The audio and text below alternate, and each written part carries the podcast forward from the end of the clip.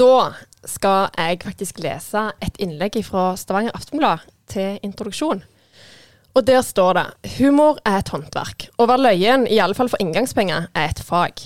Det kan læres til en viss grad, men noen folk har den enorme fordelen at de bare er løgne.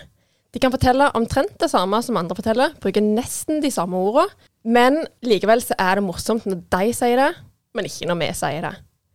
Og dette er rett og slett en mann. Hans Morten Hansen. Han er en sånn type. Så velkommen til podkaststudioet vårt her på et hotellrom på Jæren hotell. Tusen takk. Jeg ble litt, rø- jeg ble litt rørt, merket jeg. Ja, Ja, men jeg syns det var veldig fint skrevet. Det var jo Leif Tore Lindø som skrev det. du husker den? Det var etter det humorshowet ditt i ja. fjor. Ja, Premieren i, i Stavanger i fjor. ja. Og han fikk en femmer, så jeg. Og det det må jo være et klapp på skulderen, for de er ganske kritiske, de der Ja, men de kan kjøpes, vet du. Ja, stemmer Så det. det, det kosta litt, men det var verdt det. Var verdt det. Fantastisk. Du, jeg har et dilemma til deg, Ja, eh, Hans Morten. Det er gode. Ja, hva hadde du valgt? Alltid gå med klærne på vranga, eller montere et Ikea-møbel hver dag? Klærne på vranga. Det det er ikke diskusjon engang.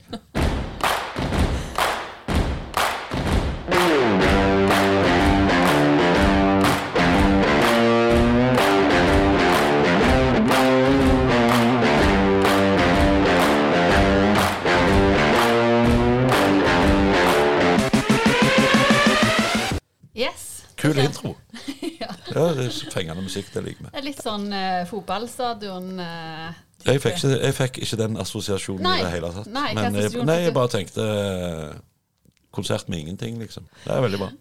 Du, vi sitter sagt på et hotellrom Ja, Det var deres forslag. Jeg Må bare presisere det. med hotellrom med Hans Morten Hansen etter sponsortreff med Varg idrettslag. Ja. Og skal jo sies at vi har vært her siden sju i morges, og jeg tenker når jeg sitter og hører deg i dag, at eh, jeg syns det er godt gjort å være så løgn så tidlig på morgenen. Har ofte bra morgener, ser du. Jeg er òg alltid tidlig oppe. Ja. Ja, så, og da eh, har jeg jo ligget hele natt og tenkt. Så da, eh, da kommer det ut. Ja. Ja. Så nei, morgenene pleier å være bra, de. Men har du alltid vært løyen? Tror jeg, jeg tror jeg har det. For det Hva skal vi si altså, Karakterbøker sånn, har jo alltid båret preg av at det er én klovn i denne klassen. Og det er han der, eh, Hansen-fyren. Eh, Så det har nok alltid ligget der. Og jeg var veldig flink til å underholde familien min og de nærmeste. og sånn, Jeg syns det var kjekt. Men samtidig, etter hvert som jeg ble eldre, så fikk jeg en viss respekt for det å stå på en scene og sånn. For vi hadde et, et sånn skolespill. Et uh, Alexander Kielland-stykke. Uh, hvor det eneste jeg skulle gjøre, var altså gå over scenen. Så skulle jeg banke på ei dør på ei kulisse. Så var det en som skulle åpne, og så skulle han si uh, hei. Og så skulle jeg si 'Silda er kommen'. Det var det. Var det. Men idet jeg banker på den døra, så raser jo hele kulissen ned. Så han slapp jo å åpne døra da. Eh, men jeg klarte å levere linja mi. Sa 'Silda er kommet. Det var da du skjønte at Da skjønte jeg, dette dette er farlige greier. Ja. Ja. Så jeg, jeg eh, ble jo mast på lenge om å være med på sånne skolerevyer og skoleting og sånn, men det, jeg ville ikke det. Men så skjedde det likevel, og så siden har det, siden har det vært sånn. Når skjedde det egentlig? At du begynte 16. februar 1993 var min første opptreden offentlig. Eh, Men da hadde jeg opptredd mye i kjellerstuer på nachspiel.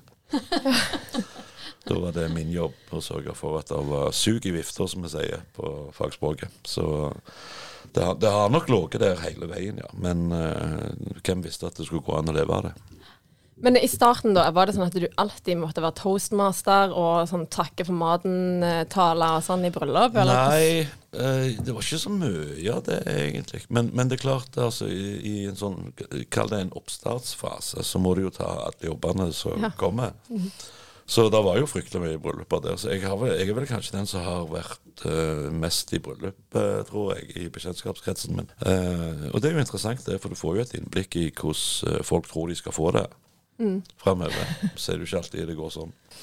Eh, og han ene har jeg vært i bryllup til to ganger, så det sier jo litt. Ja, stemmer. Nei, men da, det, er, jo- det er jo bra det, da, når du blir hyret inn gang nummer to. Ja, ja, ja, det var ikke meg det sto på. Nei. Det var, ikke, det var ikke min feil at eh, det skar seg, så eh, det var greit, det. Men du feirer altså 30 år som eh, Ja, tenk det. komiker neste Ja. år, da? Wow. Ja, wow. Ja, hvordan skal du feire, da? D- den blir ikke feira. Jeg feirer jo 25-årsjubileet mitt uh, ganske solid uh, i DNB Arena. Jeg kan leve såpass lenge på det at jeg har ikke noen planer om noe 30-årsjubileum, egentlig. Men jeg begynner jo da Nå minte det meg på at jeg begynner jo å bli en aldrende mann etter hvert, med røykebein. Eh, så det er vel snart på tide å gi seg, kanskje, med dette her, og så se om kan uh, finne noe annet å gjøre på. Så jeg må vel ha en eller annen form for uh, avskjedsforestilling på et tidspunkt. Men akkurat tid det blir, det vet jeg ikke ennå. Åh, det er litt sånn litt trist å tenke på pensjonsalder. Nei, men uh, jeg, jeg har veldig lyst uh, å heve folketrygda, som jeg har betalt inn. Ja. For hvis du dør før du gjør det, så går den rett til staten. Ja, ja. Så jeg har lyst til å eh, ta den ut før det kommer til det, liksom. Ja, du har lyst til å ta hodet inn i noen sjekker først.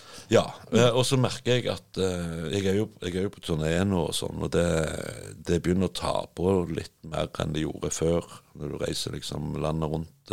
så den der reisinga begynner å, å bli slitsomme. Hvordan kjenner du det? Nei, altså du får jo jetlag mellom Oslo og Stavanger etter hvert. Du blir, du blir rett og slett trøtt og lei av det. Ja. Uh, det er veldig hyggelig, for guds skyld, men det tar litt på kreftene òg. Mm. Så uh, jeg tror ikke jeg skal Nå skal jeg spille ferdig den turneen jeg er på nå, og så får vi se. Jeg har ingen problem med å se at det er å være ganske tøft yrke. Det er, Eh, det er et tøft yrke, men det er klart du kan jo velge vekk en del av de tingene som gjør at det blir knalltøft. Ja. Ja, Men det er mye kveldstid og det er jo det. Ja. Uh, Du er jo liksom på jobb når eh, alle andre har fri. ja. Heldigvis, for da er det jo folk som kan komme og se på deg. Mm. Men uh, det er jo spesielt. Det er det. Hvordan er liksom det med jobb-fritid-balansen? Jeg er veldig flink til å ha fri når jeg har fri. Da kobler jeg helt av. Da, da gjør jeg helt andre ting. Eh, og eh, så er jeg veldig flink til å skru på når jeg skal på jobb. Liksom, uansett tid. Altså, nå holdt vi jo på her tidlig på morgenen. Det, det er jo litt spesielt, det òg. Det er jo ikke noe vi gjør hvert år. Men, men eh, du får jo i løpet av 30 år så får du jo rutinen nok til å, til å takle det òg, liksom. Men eh, eh, jeg har veldig behov for å gjøre ting på fritida mi som overhodet ikke er relatert til, til det jeg gjør når jeg er på jobb. da. Hva gjør du da, når du kobler av? Du, vet du hva, jeg er så nerd jeg, eh, at jeg samler på frimerker. Er det sant? Oi. Det er jo helt sant. helt konge. Jeg har faktisk gjort det, jeg òg. Da du sitter med sånn ei bok Ja, og ja, pinsett ja. og Og nå, der er, der er internett helt fantastisk. For Før så var det sånn at du måtte på biblioteket så måtte du låne frimerkekataloger og finne ut hva du holdt på med. Nå er det jo så mye eh, grupper og sider på internett at det går veldig greit. Men jeg, jeg er avhengig av å gjøre noe. For på jobb så er det mye hva skal du si, Nå sitter jeg og vifter med armene som om det viser. Men, men det er mye armer og bein, hvis du skjønner. sant? Og det er en, en eh, Det kalles jo et liberalt yrke, for det er, det er mye surr. Um, og da er jeg avhengig av, når jeg har tid for meg sjøl, at jeg kan gjøre noe som krever et veldig fokus fra min side. At du må liksom kun se på det du holder på med rett framfor deg. Eh, og der er frimerker helt fantastisk for meg. Det er liksom, for det skal jeg, jeg er jo sikker på Spekteret en eller annen plass, men jeg elsker jo å ha fullstendig oversikt på ting. Jeg elsker å lage lister, jeg liker å lage oversikter, og jeg, jeg liker å forske i den forstand at eh, jeg finner et frimerke, og så er det OK, da må vi se på hvor mange varianter er det av dette frimerket her, og hvor mye er de verdt, osv. Altså, det er sånn det, det, det høres helt tullete ut for folk som ikke er inne i det, men, men for meg så er det veldig sunt, da, mentalt.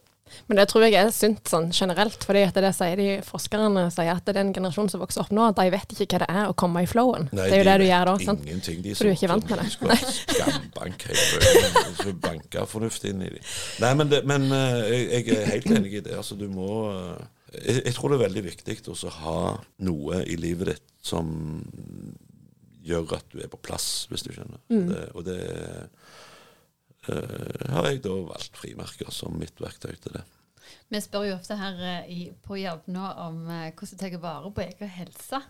Eh, dette her er jo noe som jeg tenker er med i den der at du finner si, en plass å samle deg. da. Ja, ja den, den mentale helsen min er jeg ikke bekymra for. Nei. Nei, uh, nei men det er sånn send-øyeblikk, det å sitte der, og så finner du ut av noe du ikke visste. sant? Og så, du kan lære veldig mye av å samle på frimerker òg, både eh, historie og, og masse forskjellige ting. Du kan lære av det. Så for meg så er det veldig interessant.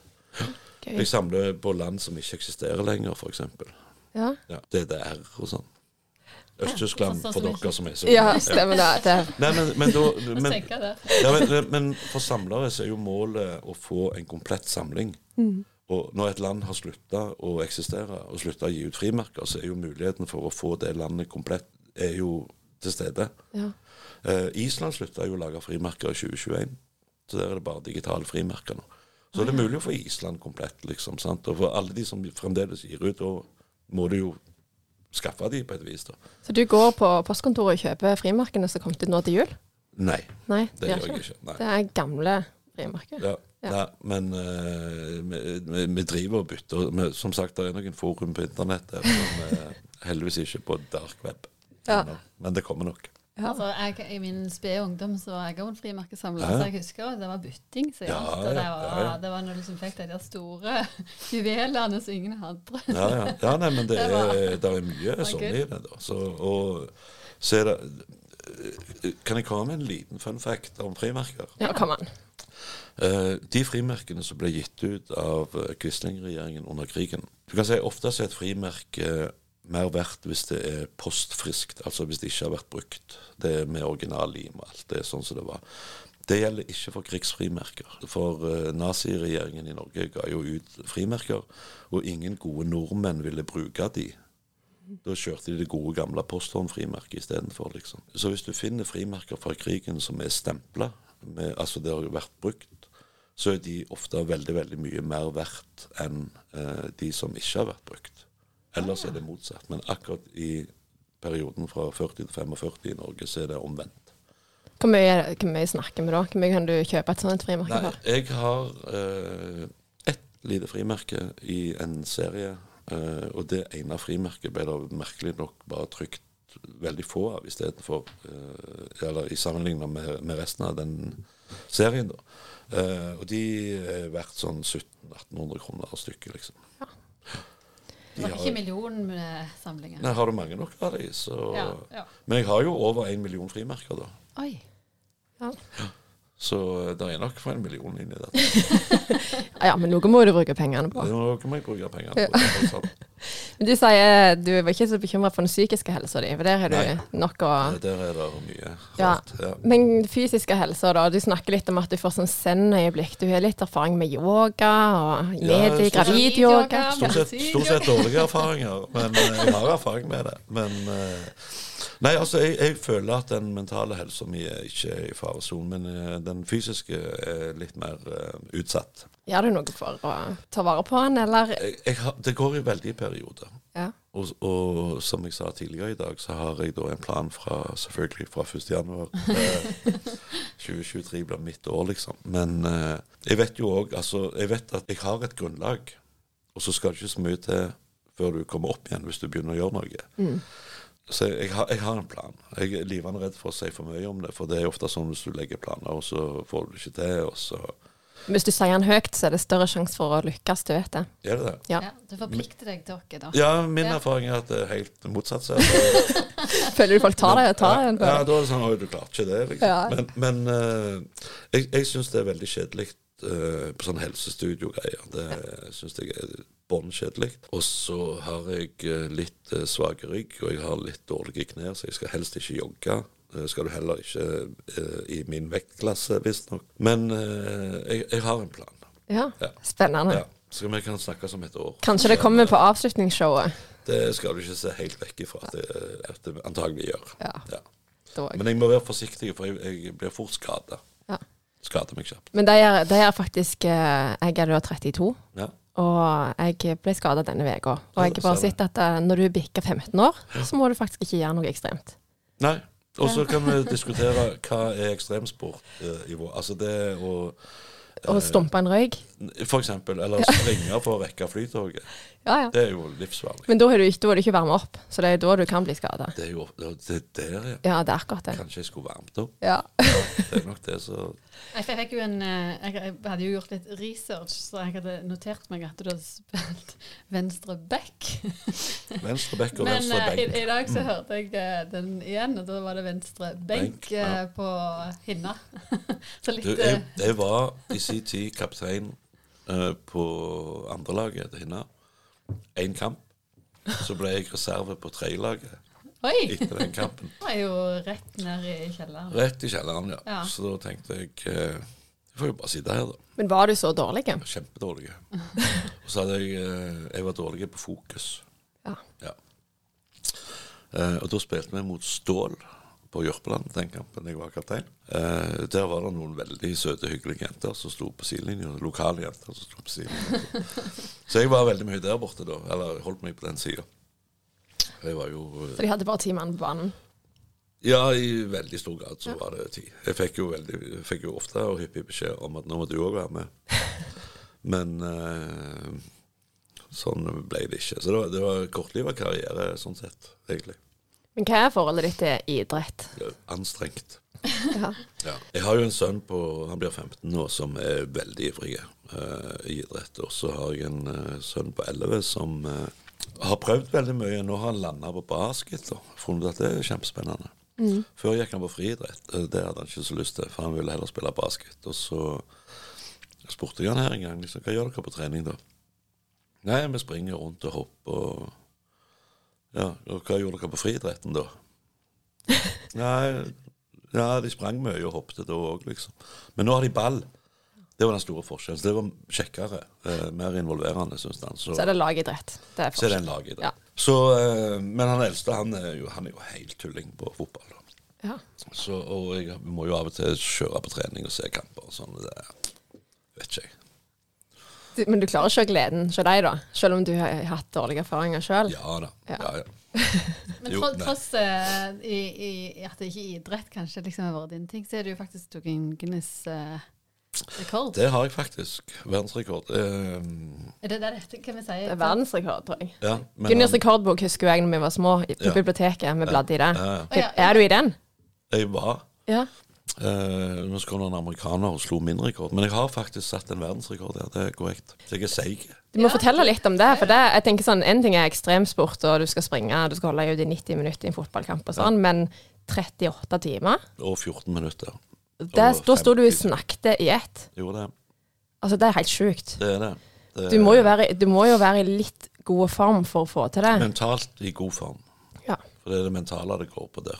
Hvordan mentalt forbereder den seg til å være eh, Nei, altså Det, det som var greia Hvis jeg får en utfordring, så, så sier jeg ofte bare ja. Før jeg, før jeg Men du er danskene? Ja, det er også liksom yeah. Før, før, før du kjenner konsekvensene av det. Um, dette var i 2010, så ringer det en som jobbet på Standup Norge, Stian, uh, og spør har du lyst til å ta verdensrekord i standup. Så jeg ja, det er kult. Ja, OK, sier han. Og så, da var det liksom Jeg spurte jo ikke hvor lenge det var snakk om, eller det visste jeg jo ikke. Så jeg så for meg sånn kanskje åtte-ti timer, jeg. Eh, og så snakket vi om litt seinere, så jeg hvor lenge må jeg stå da? Nei, det må i hvert fall stå i 38 timer og 6 minutter, for det er den gamle rekorden. Eh, ja, OK. Da, da gjør vi det, da. Eh, og jeg skulle begynne da en onsdag, eh, husker jeg. Og mandagen og tirsdagen så var det planleggingsdag i barnehagen. Så jeg hadde Littlingen Da hadde jeg bare han ene sønnen min. Eh, så han var jo hjemme. Og så da bodde jeg eh, rett ved sida av eh, skinnegangen til toget. Og de drev med utbedring av skinnegangen om nettene, så hele nettene så gikk de liksom og hamra og slo. Så, så kan du si det var ikke en optimal eh, oppladning til dette på noen som helst måte. Nei. Og så var jeg på en jobb uh, tidligere på kvelden før jeg skulle begynne opp. Så jeg var liksom Jeg var trøtt allerede, egentlig. Altså Hadde vi, hadde vi visst hva det gikk i, så hadde vi selvfølgelig begynt om morgenen, hvor du naturlig er våken. sant? Da, men vi begynte jo klokka ni om kvelden. Herlighet. Så du er jo liksom trøtt allerede. Ja. sant? Eh, så vi burde jo lagt opp litt annerledes. Så nå har jeg jo lovt alle at jeg skal aldri prøve å gjøre det om igjen. For det, det var jo det var mye eh, rart som skjedde. Altså Det er eneste gangen jeg har hatt en sånn reell ut av kroppen-opplevelse. Ja. Hvor jeg har stått ved siden av meg sjøl og sett på meg og tenkt du må, du må gå hjem. Nå dauer du snart. Og jeg hadde jo lege med meg. Eh, Ja, du hadde det, ja. Dr. Dr. Bergland, Jonas Bergland. God kollega som også da er lege. Uh, han drev jo og sjekka uh, vitale funksjoner sånn innimellom. Ja, blodtrykk og Ja, ja. og så mm. sa han da når jeg ga meg at eh, hadde ikke du gitt deg noe, så hadde jeg gitt deg, sa han, for det er helt uforsvarlig. Og han måtte jo google det blodtrykket, hadde aldri sett noe lignende noen gang, så han skjønte ingenting.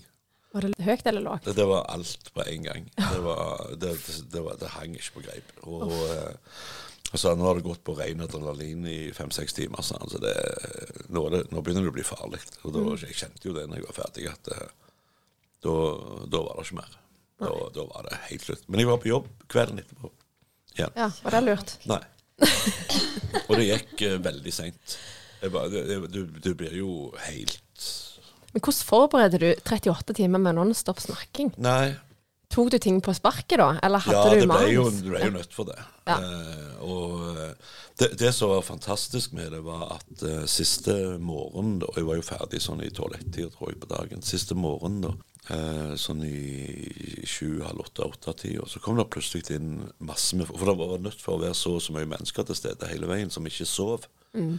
Eh, for det var reglene da. sant? Og så har du ikke lov å gjenta deg sjøl. Det er sånn fire timers vindu hvor du ikke har lov å gjenta deg sjøl. Men det er klart, etter et døgn så har du jo ikke oversikt på Så jeg hadde jo et sekretariat som satt og jobbet, men nå kan du si det igjen. og sånn liksom. Men da om morgenen så kom det plutselig inn masse folk.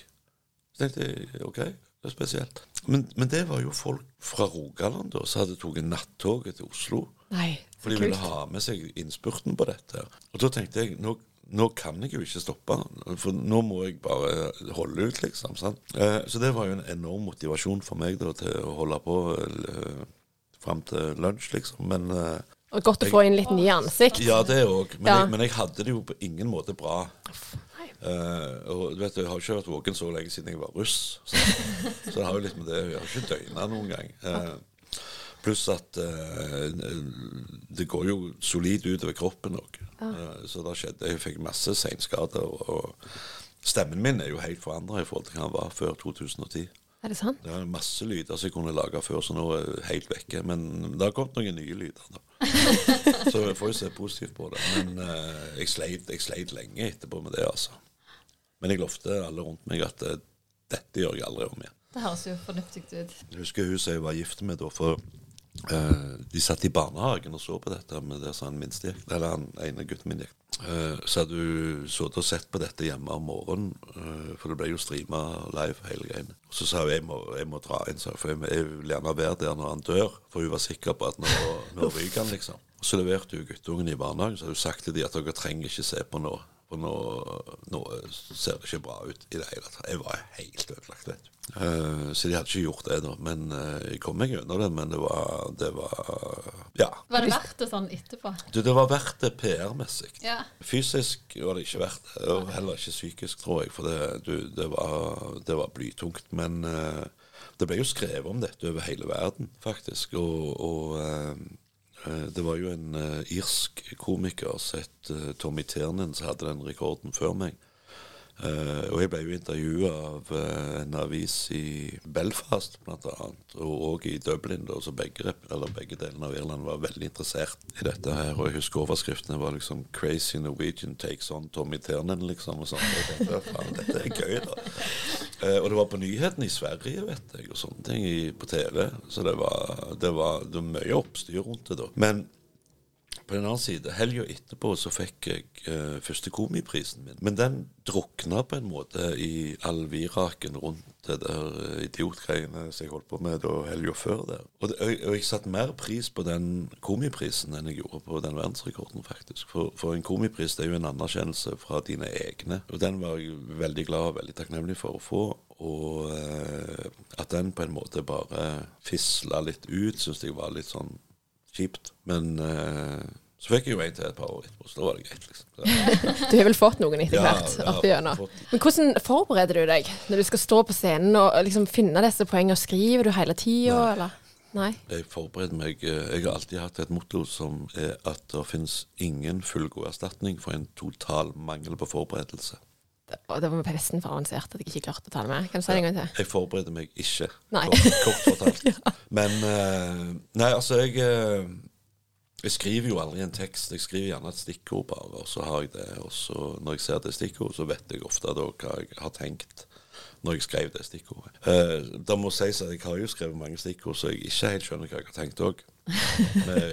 Hva var det, liksom? Var det noe løye rundt det? Men, eh, men det, er sånn, det er sånn jeg jobber. og... eh, Grunnen til det er at eh, jeg har jo en del kollegaer som, er, som forbereder seg veldig grundig de skal gjøre en sånn jobb, så har de ei liste, settliste med ting dette skal jeg snakke om. Hvis du da skal stå der en halvtimes tid, f.eks., og du merker etter fire-fem minutter at uh, dette er feil Hvis du da skal fullføre den settlista di der, så er det lange, vonde minutter før du er ferdig. altså. Da er det bedre å ha alle nødutganger på vidt gap. Og hvis du merker at folk er med, så greit, pøs på. Men hvis du merker at folk ikke er med, så må du finne noe annet å snakke om. Og Da er det greit å ikke ha forberedt seg, for da har du. Alle dørene står åpne. sant? At eh, OK, men da hopper jeg til det, og så begynner jeg å snakke om det. Sånn som det som, det som skjedde nå i morges, så jeg hadde ikke tenkt en drit på hva jeg skulle snakke om, egentlig. Det er helt sjukt. Nei, men det, det med folk er forskjellige. Folk jobber annerledes enn eh, andre på sånne ting. Og, og det er liksom min greie, da. Så jeg vet jo aldri hva jeg skal si. Men det er jo det som er sånn som det han hadde skrevet i en anmeldelse nå. Det er bare noen som er løgne. Du er jo ja. løgne, ja. Ja. Og jeg har- kanskje hatt eh, veldig flaks der. Men, men eh, så, jeg jobber jo veldig mye som konferansier og sånn i sånn bedriftssammenheng på store eventer og sånne ting. Og da har jeg aldri forberedt meg. Jeg vet jo hva firmaet holder på med, men utover det så vet jeg ikke. For jeg vet at det er alltid noe som vil bli sagt i en tale eller et eller annet som jeg kan henge på. For etter 30 år, eller la oss si eh, hele livet, så det har jo samla seg mye grums oppi harddisken her. Så det er alltid et eller annet. Du er et repertoar. Ja, jeg har eh, Ganske stort. ca. 38 timer repertoar. Stemmer det. Men, men det, det er en eh, veldig fin måte For meg så passer det veldig godt å jobbe på den måten. Jeg skjønner at det ikke passer for alle, men for meg så er det faktisk den eneste måten å jobbe på. Det, det, jeg, kan, jeg kan ikke noe annet enn akkurat det. Så det er Men altså, vi, vi begge har gjort ganske mye foredrag. Og jeg husker de første årene så, så var jeg alltid pissenervøs eh, Ja. før jeg skulle gå på. Og da Ja. er jeg kommer jeg jo egentlig ganske forberedt. Ja, ja. Hvordan, altså, nå er jo du på rutinen, men uh, er det noen ting allikevel så du kjenner at du må i hvert fall være påskrudd for å forstå en sånn setting? Nei, Nei. det er faktisk ikke det, altså. Før en røyk, eller? ja, Uh, før så var jeg uh, Da var jeg mer opptatt av det, på en måte. Ja. Og Da var det sånne ting. Men, men eh, da hadde jo jeg ritualer i forbindelse med alt jeg gjorde. Eh, hvis, når jeg skulle ut og fly, som jeg ikke likte, så måtte jeg liksom eh, eh, Da måtte jeg be en bønn og gå gjennom et sånn ritual oppi hodet mitt. Og jeg vet det er mange som har det, men, men jo, jo eldre jeg har blitt, og jo mer jeg har funnet at den flyturen går bra, den uansett eh, Litt sånn er det på scenen òg, for, for jeg vet, som du sa, det er så mye repertoar at det er alltid et eller annet jeg kan finne der og, og, og snakke om. Og av og til så skjer det jo noe i salen der som gjør at du må jo ta fatt i det og snakke om det og sånn. Så, men hvis du er altfor bundet opp til ei settliste, så, så kan det bli vanskelig å, å ta den der spontane greia, ser du. Eh, og nå så jo Lars Gaute satt jo der inne. Eh, og jeg var jo på jobb eh, for en måned siden hvor han òg var.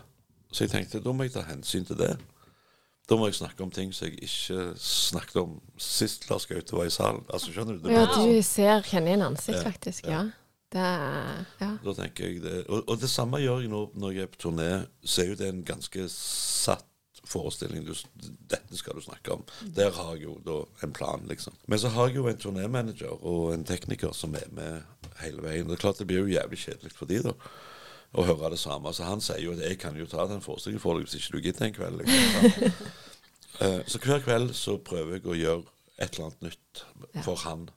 Publikum vet jo ikke det, at det er nytt, men han vet det. Og da pleier han å blinke med mobilen sånn at eh, liksom. Så vi har ei greie på det, da. Men det er klart, altså Normalt når jeg er på turné, så spiller du kanskje si 140-150 forestillinger rundt forbi.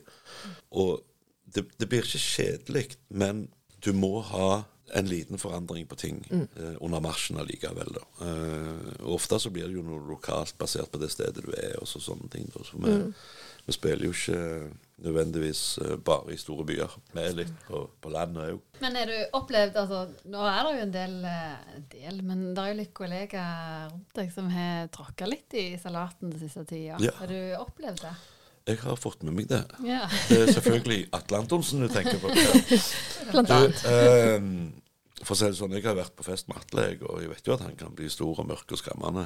Men eh, jeg, skal, jeg skal ikke si mer om den saken der. Men i hvert fall eh, det, det, ja, det er et veldig vanskelig spørsmål, egentlig. For, for jeg er jo av den oppfatning av at det aller, aller meste må vi kunne spøke om. Men selvfølgelig, når det blir et direkte personangrep, og den personen trenger ikke være i salen engang, så syns jeg at det er litt unødvendig. Og jeg har alltid sagt at det som skiller vestlandske komikere fra østlandske komikere, er at vi har jo sjølironi med, i motsetning til de. For der er det veldig fort gjort å finne ei gruppe eller en person eller et eller annet, og så bare sable løs på de. Og det syns jeg blir Det blir litt billig, syns jeg. Så jeg, eh, jeg, jeg lar driten gå ut over meg sjøl, som regel. uh, ja, men det, for det som er greia, er at det er jo litt psykologi i dette opplegget òg, pga. at når, når du står der, så har du Du har litt påvirkningskraft, og du har litt makt når du står der. Og folk som da er livende redde For ofte så ser vi når vi er på Latter og sånne ting, eh, så ser vi at første rad er tom. Ingen til å sette seg på første rad, i tilfelle komikeren skulle finne på å gå løs på deg. Men min erfaring er at hvis jeg lar driten gå ut over meg, og det er jeg som er idioten i dette rommet her, så slapper folk plutselig mer av. Da er de sånn Å ja, OK, dette er ikke farlig i det hele tatt, liksom. Dette kommer til å gå bra. Så det er ekstremt sjelden at jeg har brukt øh, personer, i hvert fall aldri navngitte personer, eller grupper eller organisasjoner eller uh, miljøer, for den saks skyld, uh, til, å, til å få en billig latter på det. Altså, det gidder jeg ikke. På, det, det må sies, Miljøpartiet De Grønne får kjørt seg ganske kraftig.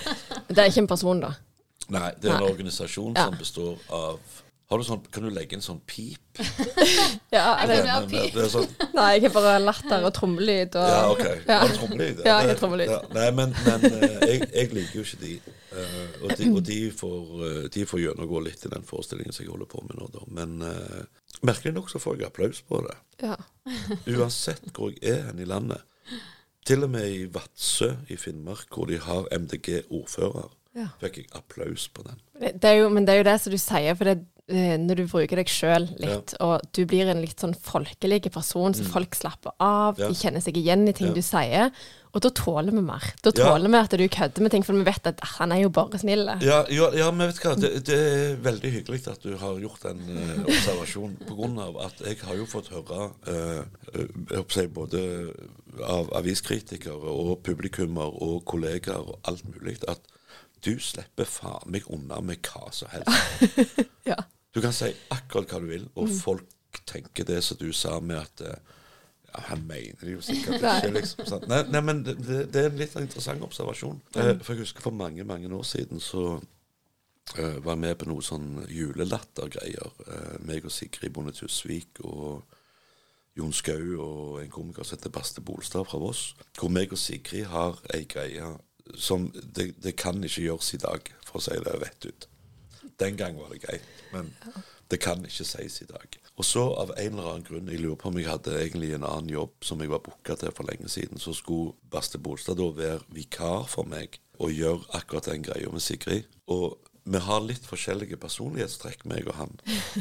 For når jeg sa det, og, og Sigrid responderte, og vi hadde den dialogen gående, så lo folk av det. Syntes det var jævlig løye. Og så er det en annen fyr som da kommer inn og gjør akkurat det samme, sier akkurat det samme, og det var helt stille i salen.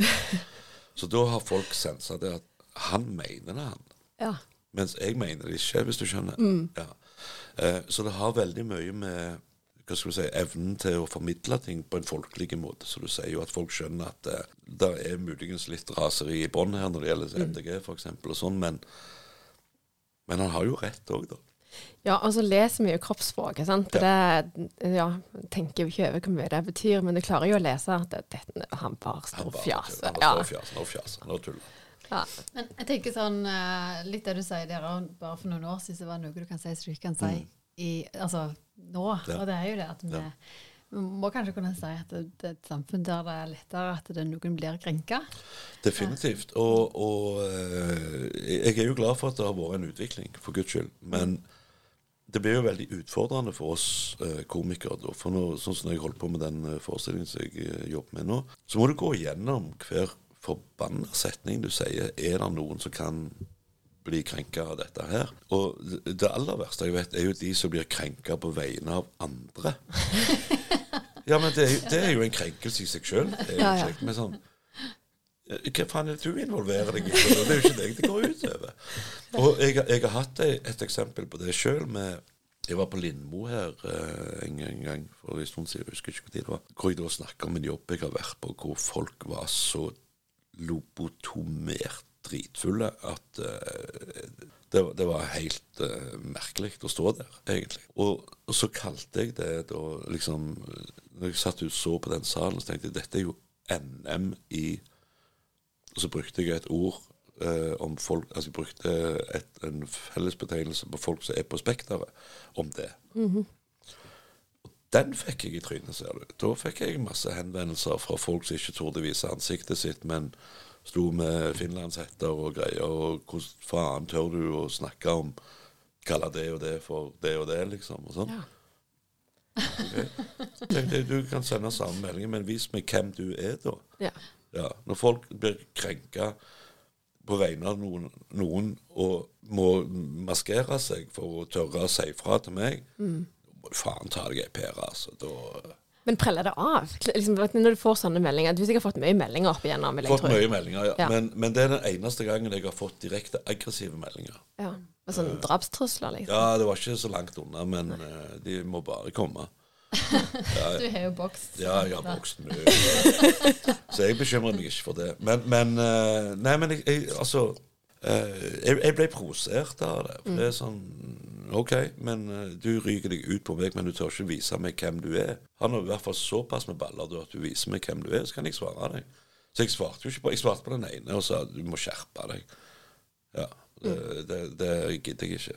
Men, men det kommer jo mye meldinger, og det, var, det, er noe av det sykeste jeg har opplevd. Etter denne verdensrekorden så fikk jeg en mail fra en eller annen halvautomat oppe i Sogn eh, som gjorde meg litt fascinert. For da skrev han at nå har jeg sett på deg i 38 timer, jeg har ikke ledd én gang. Så, så, tenkte jeg OK, hvem er det som har et problem med å stå og så prøvde jeg å sette meg inn i hodet hans med at uh, Han har sikkert sett de første tolv timene og tenkt fy faen, for noe drit. Men jeg gir det et døgn til, jeg. I håp om at det kanskje tar seg opp. Altså, Da har du for god tid. Ja. Men, men, det å gidde å sende en mail til meg på det, mm. Sånn. Men det er jo sånn med sosiale medier, og folk sitter og bare 'Halve min, du idiot'. Du kan jo bare la være å følge folk. Ja, ja, eller gå inn på ikke, Aften. Jeg ligger jo av og til gå inn på Aftenbladet eller ja, VG og lese kommentarfeltet, og det er jo sånn fin popkornskål og kos deg. For det er jo så mye banalt som blir skrevet. jeg vet det ble sagt, for vi hadde jo en uh, Igjen tilbake i gamle dager med uh, når du kunne se porno på hotell. så var jo det sladda. Og så var det snakk om at den sladden skulle fjernes. Og da røyk jo Valgjerd Svarstad Haugland i Kristelig Folkeparti klikka jo på det. Og så var det i et eller annet sånn debattforum da, hvor dette her på TV ble snakket om. Og hun var så imot å fjerne den sladden. Og så var det en som sa ja, men det er jo ingen som tvinger deg til å se på. Du velger jo sjøl. Ja. Du kan skru av TV. Da ble det litt stille borti uh, KrF-kroken der. Men uh, jeg, jeg syns det var jævlig godt sagt. Det var sånn, ja, Faktisk så kan du velge. Ja. Uh, og, og, så, og, sånn er det. Men det er klart, vi lever i en annen tid, og jeg er, jeg er, jeg er et produkt av min tid. Sant? Altså, jeg er, jeg er jo prega av min oppvekst og mitt liv. Og jeg skjønner jo selvfølgelig at det som var greit for et par år siden til og med, og enda lenger tilbake, ikke er greit i dag. Det skjønner jeg òg.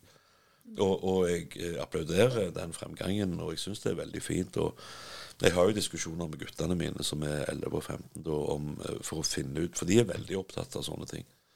Eh, og av og til så prøver jeg bevisst å framprovosere reaksjoner hos de med å si ting som for meg er helt OK å si, men som for de er å banne i kirka mm. så sinnssykt høyt. Eh, og det gleder meg å se at de faktisk mener det. At det, så, eller det sitter så djupt hos de at det er sånn 'Pappa, det kan du ikke si'.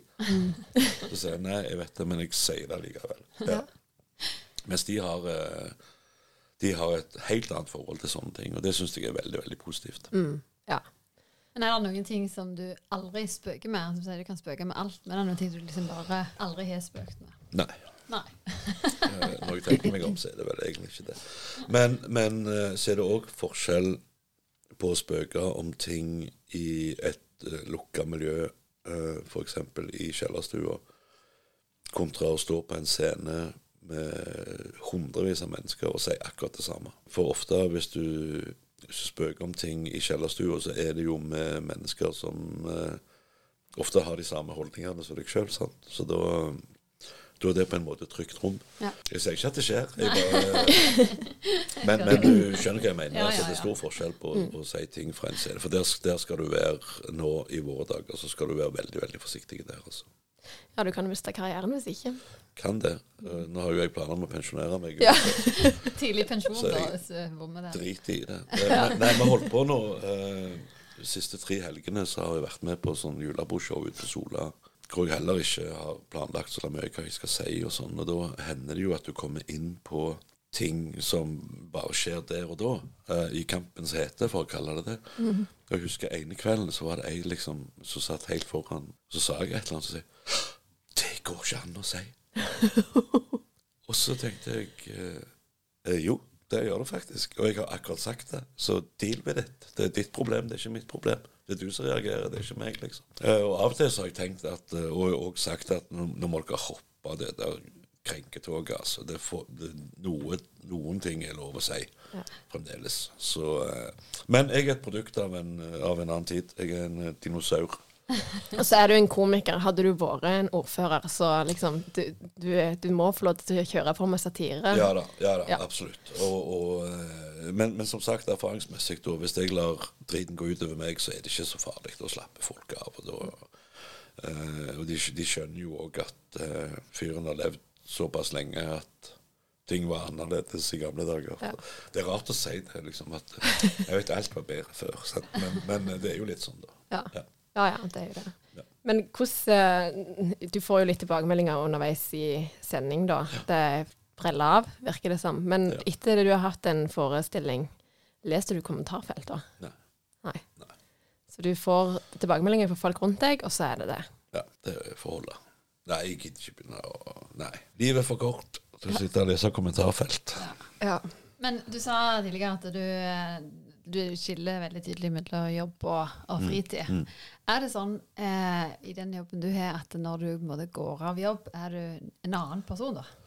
Nei, jeg jeg er ikke så veldig forskjellige Hva skal du si, privatperson og sceneperson er ganske sammenfallende. Så, så der, der er ikke Nei, jeg er veldig i stor grad den samme, altså. Alltid. Og det er òg et sånn bevisst valg. For jeg vet jo at mange komikere de tar jo på seg en rolle, eller hva du skal kalle det. Og det er en veldig kjent bergenskomiker eh, som er verdens roligste person privat, og så er han totalt spastisk på scenen. Og jeg tenker at du gidder å svette ut den dressen bare for et eller annet. Men, men det er hans greie. Og jeg har min greie. Men, men jeg eh, Jeg har jo ingen tro på, på filter og sånn. Jeg, jeg liker ærlighet, jeg. Og jo nærmere jeg er meg sjøl på scenen, jo mer troverdig blir det òg overfor publikum. For de skjønner at OK, han er, det er jo sånn han er. liksom.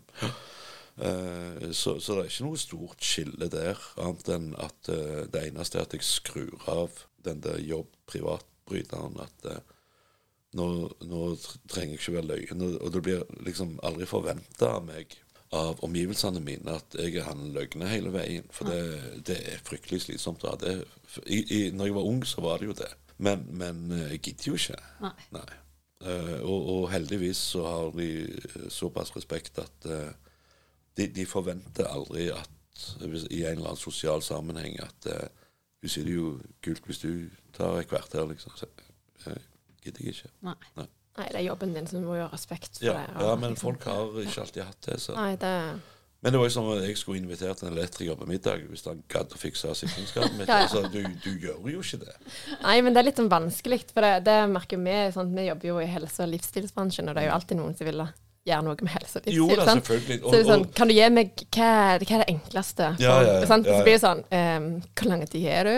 Kan vi ta, ja. sant? Det er litt sånn av og til litt vanskelig å skille. Ja, ja, klart. Og jeg Men- vet jo Jonas Bergland, som jeg nevnte tidligere, som var med på verdensrekorden min og sånn, eh, han får jo veldig mye spørsmål. Han er jo lege. Ja. Ja. Du, kan du se litt på denne her greia? Altså, skjønner du, sant? Hei, det er liktårn, kan du se på det? Ja, ja. Eller verre ting. Ja, ja. Så, men det er klart, altså, nei, du skal ha respekt for hva andre folk Ja. holder på med, og du skal ha respekt for at eh, de er ikke på jobb nå. Mm, Eh, men hva er det enkleste å gjøre, syns du? Uh, hvis jeg da skulle forbedre min helse, siden du sjøl nevnte at du Det kommer an på Hva skal du forbedre? Hva liksom, hva er målet, da? Det er er det det. noe å forbedre, spør Nei, ja, det er, er det det? Nei, jeg syns det er bra. Jeg tror du har en plan sjøl, jeg. Jeg jeg tror du, de aller fleste vet veldig godt hva de bør gjøre sjøl. jeg vet veldig godt hva jeg Ja, skal gjøre. Men, men jeg var veldig overraska når jeg så at jeg plutselig hadde gått ned ti kilo. Ja. Uten at jeg har merket det. ja, det var helt sjukt, det. Ja, så er det sånn OK, hvor, hvor var de ti kiloene henne? Ja, for det er sånn Jeg ser akkurat lik ut som jeg har gjort alltid, og så Nei, det var veldig Hyggelig bonus der. Ja, ja, men enten er det noe galt med vekta. Men, jeg- men jeg tok og veide den Han er ikke kalibrert det? Nei, jeg tok og veide eldstegutten min, og vekta hans stemte. Ja. Så da tenker jeg, da stemmer han Da på er meg det, også, da er liksom. det. Ja, ja, fordi han har akkurat vært hos helsesøster og veid seg, så da fant vi ut av det. Så. Men ti kilo, det er sånn som du må sjekke vekta for å finne ut av? Eller det er ikke sånn at du kjenner at du er litt lettere Nei. i hamsen? Nei, Nei. Eh, så jeg har alltid trodd at jeg veier 104 kilo, for det har jeg alltid gjort. Eller ikke alltid, men, eh, men jeg har gjort det ganske lenge. Og så plutselig så var jeg 94,5. Så jeg, hva faen? Hva har skjedd? Det er en stor overgang, det. Ja, 0, hva er det, 0,1 tonn, eller et eller annet sånt, og så ned til ja. Det er bare 94 kilo. Du, du Ja. velger tonn. Ja. Altså, ja, jeg har en far som har sagt det, ser du, at han veide 0,1 tonn. Ja. Eh, Hvis det stemmer, det. Så Ja. Så det, Så det er ganske stor overgang å gå fra tonn til kilo. Ja, Det var ganske det er veldig bra, det. Ja, det må jeg si. Før så vet jeg jo Det kunne jo måles i tonn, Ja, sant. men nå er det kilo. Jo, det er kilo. Ja, det er kjempebra. Du, men eh, du sier at du er deg sjøl, og liksom Det er ikke så veldig mye stor forskjell på scenen, eh, scenen hans, Morten, og vanlig. Gullestad i Side om side. Altså, Ja. Stemmer det at du er på en måte litt Gullestad i For det, jeg har hørt rykter om at du ble innhenta til den rollen pga. at den rollen var veldig lik den som du er. Stemmer det? Det stemmer. Og produsenten for serien var jo naboen min. Ja. Og, og det er det det egentlig begynte med. Det var Jeg sto, sto ute i hagen, og så kommer han gående forbi. Eh, Sigmund Falk heter han, jobber i NRK. Og så du, uh, hva holder du på med i april og mai? Så jeg vet ikke helt liksom, hvordan det er. Jeg har en eh, TV-rolle til deg hvis du er interessert. Ja, det er fint. Og så gjorde jeg det. Det var første sesong med Side om side. Og så sa han jeg regner med du blir med andre runde. Ja ja, sa jeg. eh, bare Hold på. Og så tenkte jeg, for, for denne figuren min fikk jo mer og mer plass etter hvert. Og jeg, jeg har veldig respekt for skuespilleryrket, for det, det, er, det, det er virkelig en kunst, det å være en annen person. Og så tenkte jeg eh, Jeg er jo ikke det. Jeg er jo bare meg sjøl, liksom. Og så spurte jeg eh, Sigmund da, liksom, etter tredje-fjerde sesong liksom, Hvem er denne fyren her basert på? Så han ikke, ikke tenk på det. Bare vær deg sjøl, Hans Morten. Så OK. Så det er meg, ja. Så, så da ble det liksom bekrefte at det var Det var derfor jeg fikk den jobben, da. Ja. For det var jo ikke noe prøvefilming eller noe. Det var liksom bare rett på jobb, liksom. Og så ferdig med den. Eh, for det, det er så Når du skal være med i filmer og serier og sånn, så er det jo ofte sånn auditions og jobbintervju, for å kalle det det. Men det hadde ikke jeg. Han hadde jo vært naboen din ei stund, da, så han hadde jo på en måte eh, hatt prøve den Jo da. Ja, det- prøvespillingen han trengte. Ja, det har han jo definitivt. eh, Men Gullestad er veldig fotballinteressert, da. Ja, eh, og der, der sliter jeg jo. Ja, for det er det eneste. Ja, da må Ja. jeg virkelig gå inn i meg og, og gjøre masse research. Ja. Men det, det er egentlig det eneste så, som skiller meg og han. da. Ja. Og Der får jeg jo òg mye meldinger fra folk med liksom 'Så du kampen i går?' Altså, nei. Det gjorde jeg ikke. Men de tror jo at Gullestad virkelig er Liverpool-fan. da. Det, Ja. det kan godt være Gullestad, det, men uh, Hansen er ikke det.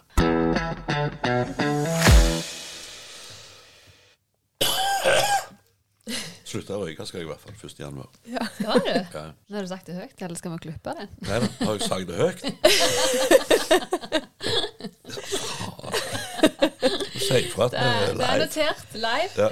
Du, Vi kjører noen uh, faste spørsmål. Jeg må Ja. bare legge til her at underveis så sitter, sitter Hans Morten og koser seg med kakestykker. Hva er det en croissant du har? Det er en croissant med sjokolade og melis, og så er det et sjokoladekakestykke. Frokosten din. Ja. Det er frokosten min. Og som Ja. ser, så har jeg tatt av toppen på sjokoladekaka, så jeg spiser bare sjokoladefylle. Det er det beste. Det er det beste. I denne croissanten så er det altså eh. Croissant. croissant. 8,5 millioner kalorier. Eh, nei, det var ikke det jeg skulle si. Nei. Eh, Det er flytende sjokolade. For det fikk jeg vite. Dere må ete den på frokosten i dag. Så Men flyr den ennå, tror du? For den har stått her ganske lenge. Jeg tviler på det, faktisk. Men uh... Men, men dette er jo uh, the breakfast of champions, Ja. syns jeg. Og med tanke på at jeg har diabetes og sånn òg, så er det helt ideelt. Det kommer til å bli helt tullete på vei inn til byen igjen. ja, altså det der neste showet, det må vi iallfall få med oss. Kommer til å få føling. Ja. Men det passer godt å spørre eh, en av faste spørsmål. Har du noen eh, faste morgenrutiner? Nei. Nei. Det kommer an på om eh, guttene mine er hos meg eller hos mora. Når de er hos meg, så har jeg rutiner. Eh, hvis de ikke er hos meg, så er jeg litt mer uh, slappe der. Men alltid tidlig oppe, da. Ja. Ja. Sjelden jeg er oppe seinere enn syv. er du klokka på? Nei, men jeg har sånn Jeg har biologiske klokker. Og det er veldig viktig, har jeg merka, å lytte til sin indre tamburin. At når den blir klaska på, så er det på tide å stå. Ja, men så fint. Mm. Eh, da går vi videre på neste. Hvis du skulle bo på ei øde øy, Ja. hva ville du tatt med deg? Hvorfor en eiendel? Og en eiendel, Mm. ikke et menneske. Nei. Er det noen sjanse for å bli redda på et tidspunkt? Kan- Eller skal du være der resten av livet? Et halvt år. Et halvt år? Ja. Hva eiendel jeg ville tatt med? Mm. Eh, espressomaskinen min. Espresso. Ja. Mm. Det tror jeg faktisk jeg hadde gjort. Ja, Flertallet flertall så heter det espressi på italiensk. Ah, ja. Skjønner. Uno espresso. espresso, due espressi. Oh. Se her, nå får vi språkopplæring. Er, er det strøm på denne øya, forresten? Eller må begynne med vedfyrt espressomaskin og sånn? Altså, jeg tenker du måtte hatt en solcelledrevet espressomaskin. Ikke sant. Det hadde vært Ja. genialt. Mm. Ja, da ville jeg hatt med det. Så da sier vi det. Det Solcelledrevet espressomaskin. Mm. Bare spørsmålet, Fins det det? Eh, det var en glimrende grunn. Men nå måtte vi bare Ja, si tenk, skal det du ha sånn. med på tur istedenfor sånn trøtt traktekaffe på termos? Så kan du ha med en solcelledreven, solcelledreven liten espressomaskin. Åh, Sitte på så nice. og lage deg en liten En V60 kunne funka, da, som alternativ. En. Det er ikke en Volvo? Nei, v, Det er godt. V60, det er jo sånn den kaffegreia, er det ikke det? Har ikke sett det der nede, sånn, sånn stålkanne som folk tar oppi. Nei, nå, nå er jeg ganske sikker på det. Men det er en Volvo òg, ja. Ja, jeg trodde det var en Ja. Volvo. Ja. er Nei, sånn Så har vi en Volvo på du sier, da. Ja, det er, men det er sånn heavy kaffegreie, Ah, okay. trodde jeg. Da skal jeg begynne med det. Yes, Har du noen guilty pleasures? Ja. Er det alt vi Det, får? det er det du får. Oh, ja. Men det har jeg. Hva er ditt beste helseråd? Oh, der eh, Der satte du meg litt fast. Nei, altså eh, jeg, jeg eh, har jo alltid vært overbevist om at det er bedre med god kjemi enn god fysikk. Så Jeg måtte tenke litt. Ja, men du tok den til slutt. Ja. Men at det er viktigere å kunne fungere sosialt enn å springe 60-meteren jævlig fort, syns jeg. vet du hva, relasjoner det er faktisk det viktigste Det for god det helse. viktigste. Så det er helt veldig godt svar. Ja. Mm. Det var, det var ikke så dumt. Også. Nei, det. det var ikke det. det pluss, plus at, som vi har snakket om tidligere, altså dette med, med eh, Jeg har ingen bekymringer for min egen mentale helse. Mm. Um, og jeg tror at uh, hvis du har ting du gjør i hverdagen som If it makes you happy, på en måte, så tror jeg det er veldig, veldig, veldig viktig. Mm. Eh, så så jeg, har, jeg har tro på det. Og jeg har òg tro på å holde hjernen min aktiv og i form. Sånn at altså For det er jo det siste, altså Alle snakker jo om demens og Alzheimer gud hjelpe meg alt mulig. Og hvor utbredt det er, og hvordan det rammer. Men jeg tror Eller de forskere sier jo Men sikkert noen sier noe annet òg. Men hvis du holder hjernen din i form, så reduserer du faren for de tinga der. Mm. Eh, så jeg eh, tror på det, og jeg prøver å holde hjernen min i form. Mm. For det, jeg vil ikke bli Jeg vil ikke bli, vil ikke bli sånn. Jeg har ikke lyst til å bli rotlete. Nei, Vi sa jo til mor sånn at det, det, For hun sa mye sånne merkelige ting. Men det gjorde hun hele livet. Eh, jeg vi sa det blir jo dritvanskelig å finne ut hvor tid du faktisk er blitt senil. For du har sagt så jækla mye tåpelig hele, hele veien at eh, vi får jo bare gjette. Ja, ja. Nå, har, nå har det klikka helt for den, liksom. Men uh, hold hjernen i form. Det tror jeg er mitt aller beste helseråd. Bra. Men uh, hva vil du bli huska for? Uh, det er òg et litt vanskelig spørsmål. Men eh, Ja, det er et veldig vanskelig spørsmål. For, for det Jeg håper Det høres ut som jeg skal dø. Men dette sier vi til alle, Hva, hva vil du bli huska for? Du, jeg vet hva, jeg håper jeg eh, Og det har jeg sagt uh, mange ganger i, i uh, andre settinger, men så lenge du blir huska for noe positivt, så har du gjort jobben. Istedenfor at folk rundt og husker deg som en uh, gretten gammel jævel, som jeg jo for så vidt òg er. Nei, men at, eh, at, at folk forbinder deg med noe negativt, det, da har du ikke eh, etterlatt deg det sporet du burde ha gjort. Så jeg håper den dagen kommer at jeg vil bli uh, huska med glede. Hvis det, hvis det er lov å si. Det er helt lov å si, og veldig fint. Jeg tenker det er mange som har skrudd på lattermuskelen i ditt nærvær, så jeg tror ikke, det. tror ikke du er så langt ifra det. Men jeg har òg antagelig provosert en del folk. Men, men jeg tror de som har ledd, har vært i flertall. Ja, og de som blir provosert, De kan, De blir hva, det de kan brenne. Faktisk, Og med det- faktisk ikke mitt problem. Nei, jeg vil bli huska Jeg vil bli huska som et stykke heil ved. Ja. Positivt eh, Et positivt ettermæle. Ja. Så får vi se hva de skriver i avisa den dagen. Da. Men, Ja, ja. Eller jeg får ikke se det. Men, eh, eller kanskje jeg gjør. Kanskje. Kanskje Who jeg kommer knows? Mm. tilbake. Spøker litt rundt i krokene. Vi får se. Men for dere som eh, promoterer med, med helse i denne poden, så heter det vel en eh, god latter forlenger livet. Det gjør det. Men det er òg folk som har ledd seg i hjel. Det skal du heller ikke glemme. Så det- av og til forkorter den livet. Jeg tror vi sier tusen, tusen takk for at vi fikk lov til å ha deg med. Sjøl takk. Veldig hyggelig. Veldig kjekt at Det, du har det er ikke ofte jeg har vært på et hotellrom på Bryne med to damer, kan jeg være. Så denne skal jeg, eh, skal jeg gå og skryte litt av. Ja, det skal vi gjøre. Ja. Så det går fint. OK, takk for i dag. I like måte.